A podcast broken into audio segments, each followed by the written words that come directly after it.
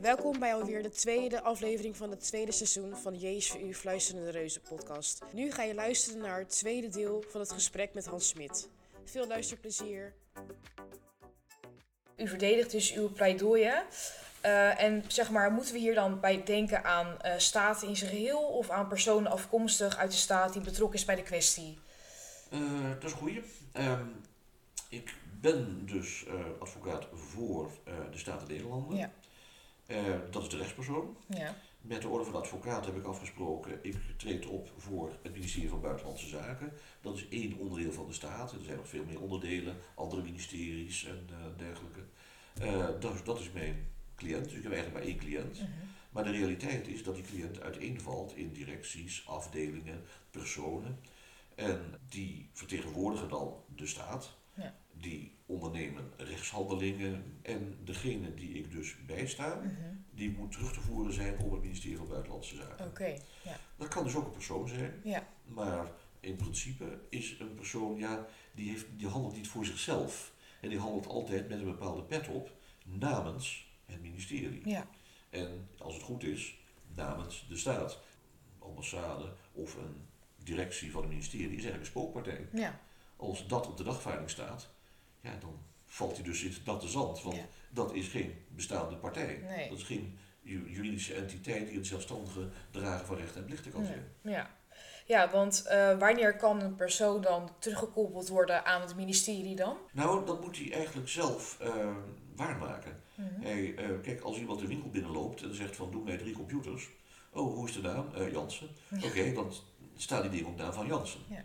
Als je zegt van, nou kijk, ik ben ambtenaar Jansen en in namens het ministerie van Buitenlandse Zaken, de Staten Nederlanden, wens ik vijf computers aan te schaffen, dan is het duidelijk en dan komt ja. ook op de factuur te staan, mm ministerie of staat. Ja.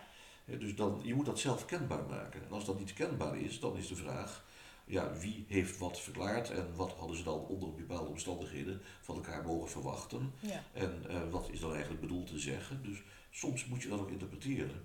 Over het algemeen gaat dat wel, wel goed. goed ja. Ik maak het eigenlijk niet mee dat er iemand binnenkomt bij mij en van ja, ik ben nou toch in persoon gedachtaard. Ja, ik was voor het ministerie bezig, maar uh, wat wel voorkomt is dat mensen worden opgeroepen omdat ze iets moeten doen. Uh, wat niet door een rechtspersoon kan worden gedaan. Nee. Mensen worden soms opgeroepen om te getuigen in bepaalde zaken, mhm. waar ze dan zijdelings mee te maken hebben gehad. Ja. We hebben bijvoorbeeld ambtenaren die consulaire bijstand verlenen in het buitenland. En die, het kan gebeuren dat die nuttige informatie weten over een strafzaak van iemand. Of over iemands lopende rechtsscheiding. En dan wil men dat ze worden. Uh, we hebben wel eens een zaak gehad bijvoorbeeld dat iemand tegenover een consulair ambtenaar die erbij stond had gezegd: Ja, die moord heb ik gepleegd. Oké, zo. ja. ja. En uh, nou, dan moet het antwoord van die uh, consulair ambtenaar zijn, daarvoor ben ik helemaal niet voor. Ik ben hier om te kijken of jij in Thailand een eerlijk proces gaat krijgen. Uh, of jij een behoorlijke verdediging hebt, of je een advocaat hebt die ja. goed op de hoogte is en die niet op achterstand staat. Ja. En dus ik ben, moet mij bemoeien met de integriteit van het strafproces. En trouwens ook met de kwaliteit van de detentie, want dat is in sommige landen niet, niet goed. Nee. Maar over de verdenking zelf wil je niks horen. Nee. Maar ja, soms is dit het eerste vriendelijke Nederlandse gezicht dat iemand na maanden tegenkomt en dan lopen mensen leeg. Ja. Dat is het interessante vraag. Uh, dan kan het zo zijn dat ze kunnen worden opgeroepen om te getuigen. Oké, ja. Maar als iemand wordt opgeroepen om te getuigen, ja, dan wil hij precies weten hoe dat zit en wat er van hem verwacht wordt. Ja. En dan kan ik hem ook in adviseren. Ja. van nou, dan ga je naar een rechter toe. Mm en daar, die zit daar dan, en daar zit dan officier van justitie, en er zit een griffier, en ik ga dan ook mee. En uh, af en toe, als ik het idee heb dat iemand een vraag niet moet beantwoorden, dan heb ik afgesproken, dan geef ik je een schop. en dan zeg je, uh, ik beroep mij op mijn verschoningsrecht, ja. het van die strekking. Dus ik help mensen daar dan wel doorheen. Oké, ja. Dus u heeft heel veel kennis van het formele proces.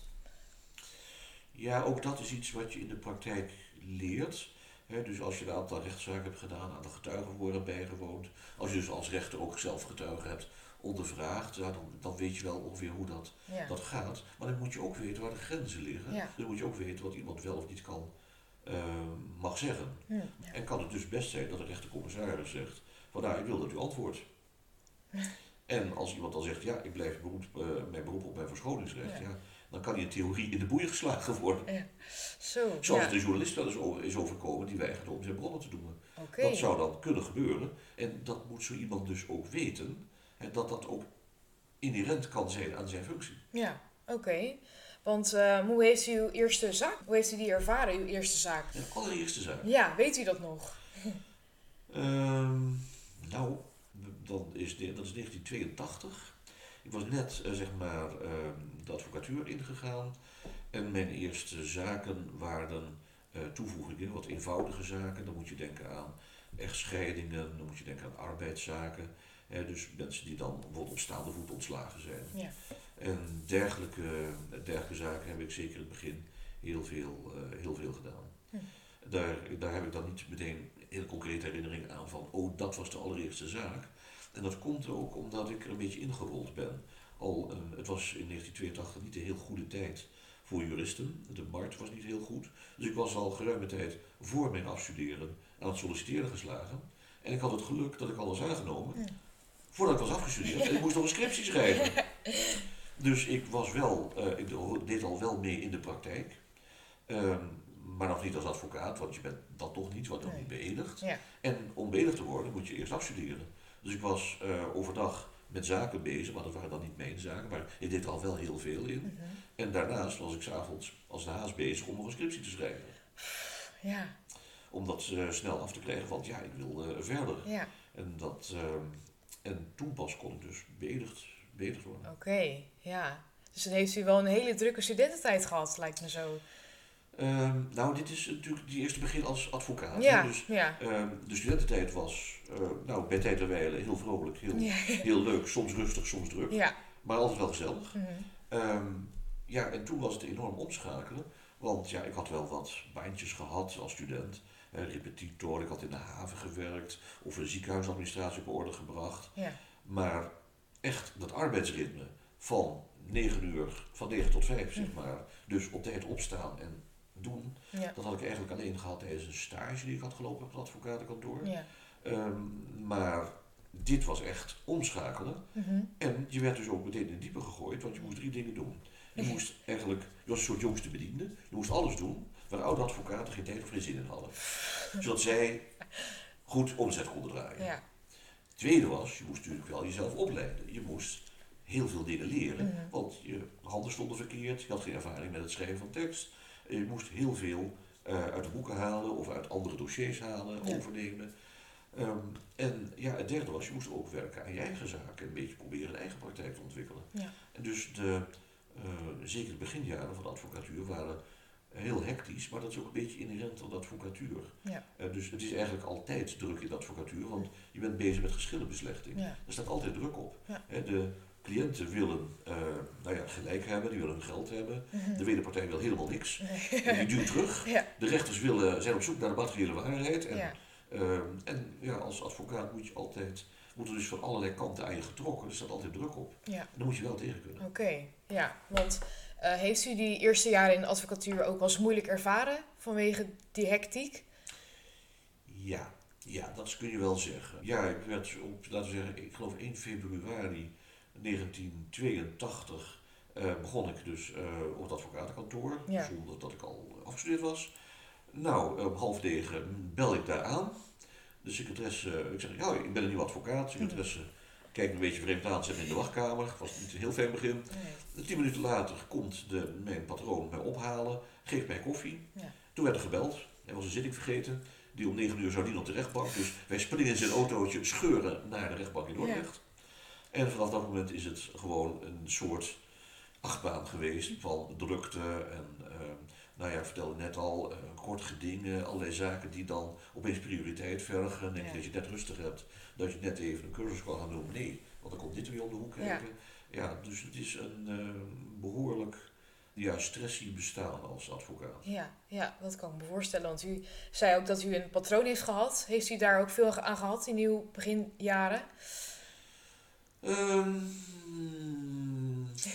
met alle waardering die ik voor betrokkenen heb gehad, voor dingen als reflectie en structurele opleiding, was erg weinig tijd. Ja. Ik heb veel meer eigenlijk zelf het wiel moeten uitvinden dan dat ik eh, bij hem kon binnenlopen.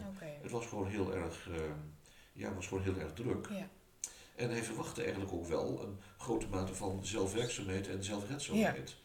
En nou ja, dat eh, met zeg maar de kennis van nu zeg ik van, goh, ik had misschien eens wat meer op mijn poten moeten, eh, op mijn poot moeten spelen en moeten Mm. zeggen van, hé, hey, nou wil ik toch even een, dat we hier en hier het over hebben Ja. en nou wil ik dit of dat. Ja. En, maar het antwoord was dan toch wel vaak van, ja, ga maar een cursus doen, daar, is, vast, daar hebben we wel geld voor. Ja.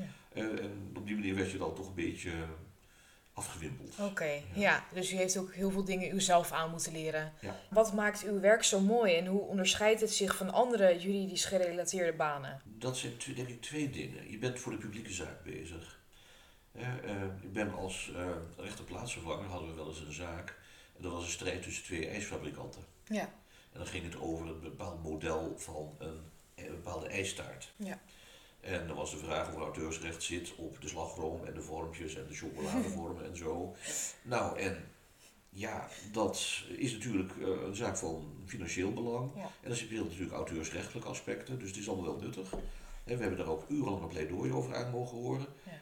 Ehm, maar het werk voor de publieke zaak, dus voor het bestuur van Nederland, de BV Nederland, is toch wel wat anders. Dat is, dan ben je ook soms gekoppeld aan de politieke actualiteit.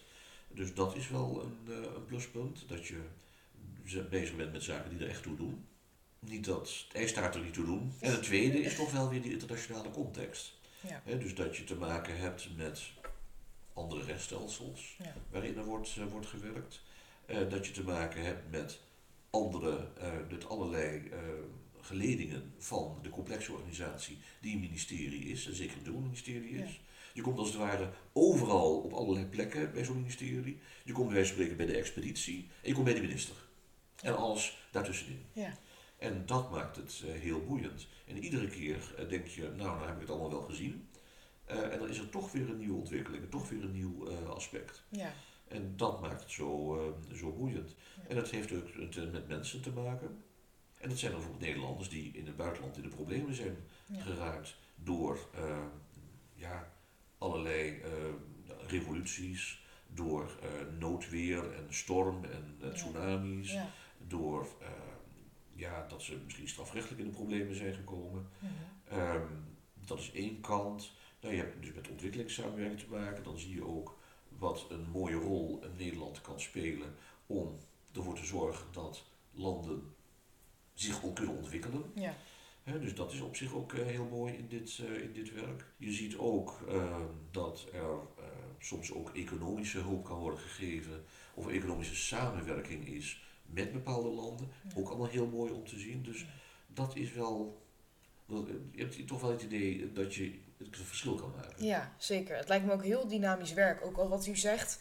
En hoe u het beschrijft, het lijkt me heel erg ehm, gevarieerd ook, zeker. Wat is nou een typisch, ehm, een typisch voorbeeld van een civielrechtelijke zaak eh, met een internationale context dan? Kunt u daar een voorbeeld van geven? Ja, ik vertelde al natuurlijk van die bouwzaak in, Ja. eh, in Berlijn. Ja. Hè, maar eh, laten we nog even in de geschiedenis teruggaan, maar in Berlijn blijven. Mhm.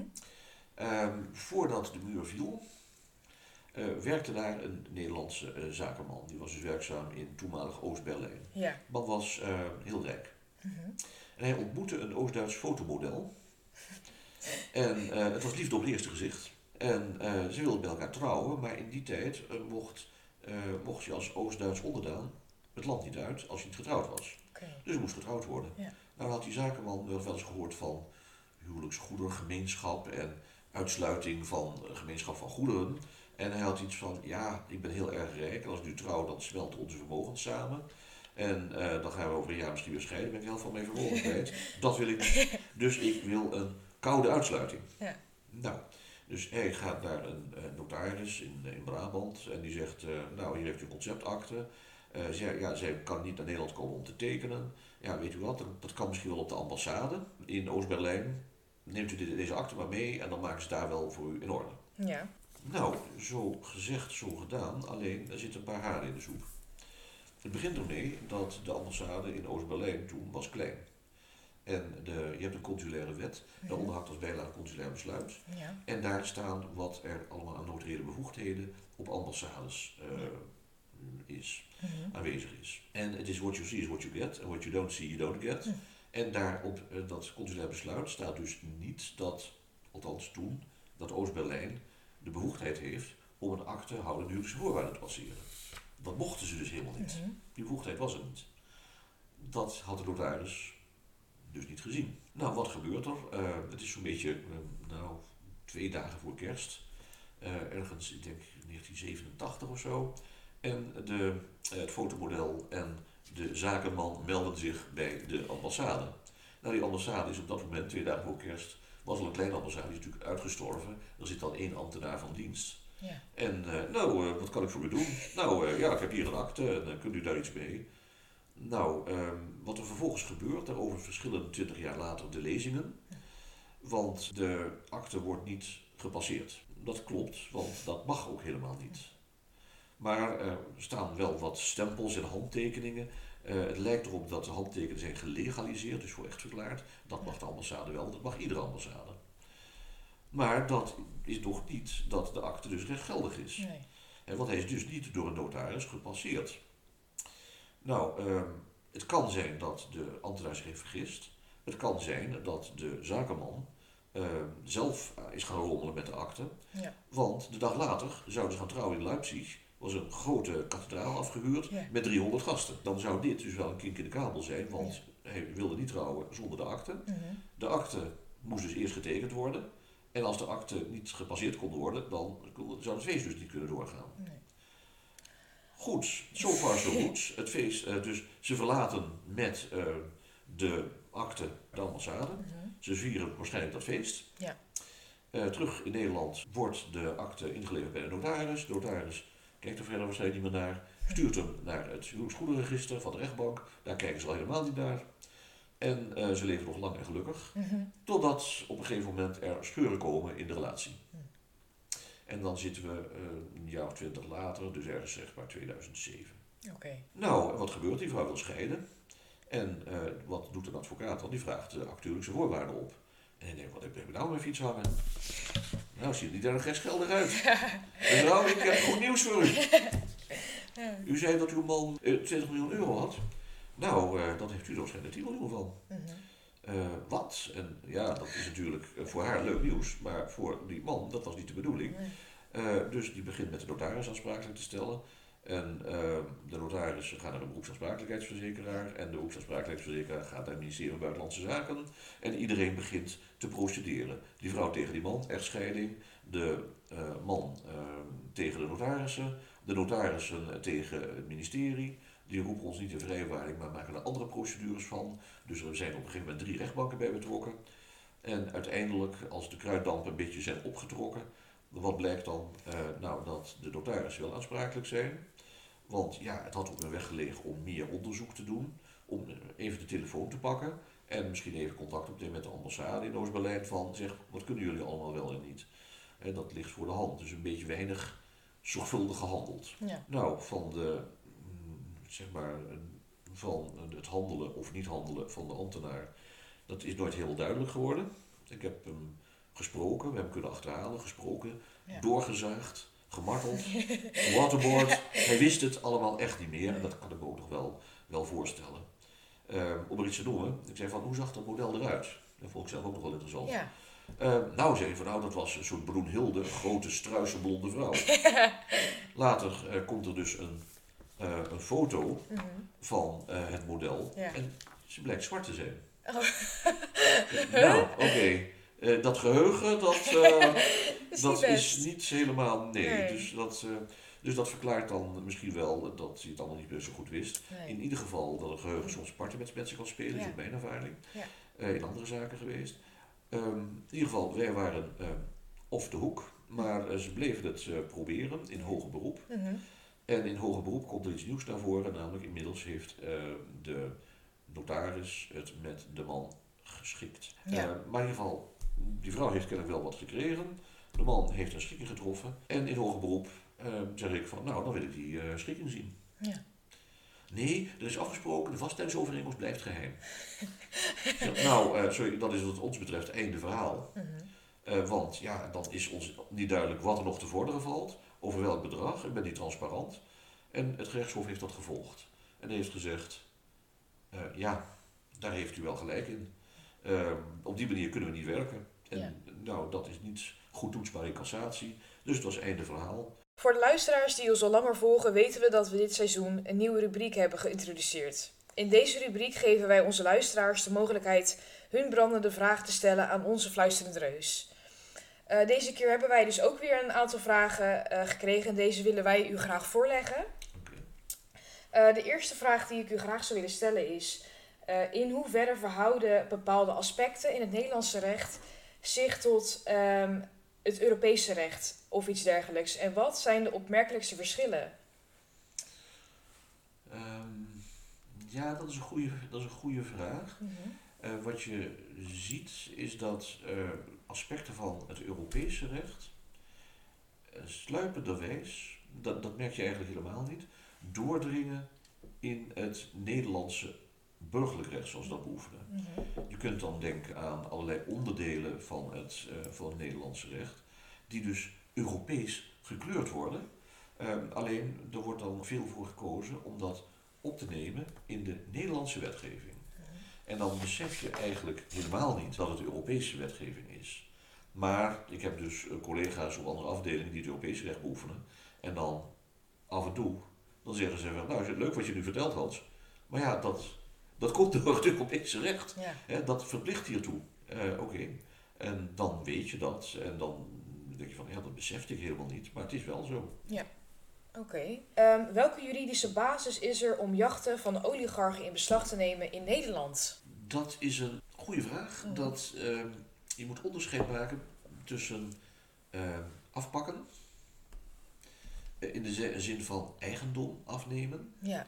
en aan de ketting leggen. Het afpakken van eigendom, dat is wettelijk niet toegestaan. Mhm. Want die dis kan komen, zou je kunnen zeggen, maar op dit moment, bij de huidige stand van wetgeving, is dat volgens mij niet mogelijk.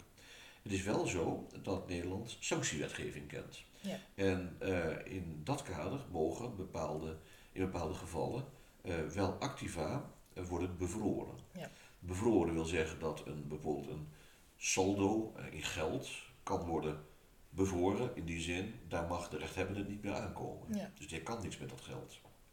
En met een, ten aanzien van een schip kan worden gezegd, ja, dat mag u niet meer gebruiken. Nee. Ehm, en dat zijn maatregelen die dus op de sanctiewet zijn gebaseerd. En ehm, dan heb je ook nog de Europese sanctieregelgeving die Nederland volgt. En de nationale sanctieregelgeving. Eh, dat kun je dus als Nederland zelf doen. Ja. Ik heb wel begrepen dat dit allemaal in Europees verband eh, gebeurt. Hè, dus daarin volgt Nederland ook wat anderen, anderen doen. Maar er is dus wel een wettelijke grondslag voor. Oké, zeker, ja. Voor het bevriezen, Ja. niet voor het onteigenen. Nee, nee, precies. Want dat is natuurlijk super relevant met wat er nu in Rusland en Oekraïne gebeurt. Ja. Omdat natuurlijk heel veel eh, miljardairs die, eh, ja, die hebben natuurlijk die boten. En dat is natuurlijk wel heel relevant, inderdaad. Eh, hoe zit het met de schadevergoeding van nabestaanden van MH17? Kunt u daar iets over vertellen? Heeft u daar kennis over? Nee. Nee? Daar ben ik niet bij, bij betrokken. Het is natuurlijk Ja. een, een vreselijke tragedie Ja. geweest wat er is, is gebeurd. Eh, je ziet ook dat eh, er vanuit de kant van de Russische Federatie wordt ontkend dat, daar, dat ze daarbij, met daarbij betrokken is. Ja. Betekent dat er op dit moment, eh, zoals ik het begrepen heb, niet zicht is op een concrete schadevergoeding Nee. voor de nabestaanden. Het is wel zo dat je ziet dat Nederland enorm zijn best doet om te proberen schadevergoeding of eigenlijk gerechtigheid voor de nabestaanden te krijgen. Dus er wordt er alles aan gedaan om daders voor het gerecht te krijgen, Ja. gerechtigheid voor de slachtoffers, gerechtigheid voor de nabestaanden. Maar dat is in een zaak als deze natuurlijk erg moeilijk. Ja, zeker. Nou, dan wil ik graag afronden met de terugkomende vraag die we altijd stellen. Ehm, welk advies had u uw jongeren zelf gegeven? Ja, dat is een goede vraag. Tijdreizen zijn nog steeds niet, niet mogelijk. Maar als ik terug in de tijd had kunnen gaan en ik was zeg maar mijzelf tegengekomen als ik net als advocaat was begonnen, zeg maar, dan zou ik wel een aantal eh, tips hebben kunnen geven. Ja. Zoals let op je uren. 55 uur werken per week is misschien toch niet zo gezond. Kijk of je overal een punt van wil maken. Of eigenlijk, zoals de Engelsen zeggen, pick your battles. Hè, kijk, wat, wat vind je belangrijk? En daar moet je dus wel een punt van maken, standvastig zijn. En misschien zijn er ook dingen die, je kunt zeggen, laat maar, laat maar zitten. Ja, bereid je zaken goed voor.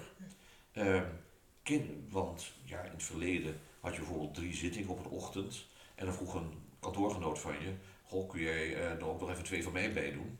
En dat zijn dan routinecomparities van bijvoorbeeld in echtscheidingen.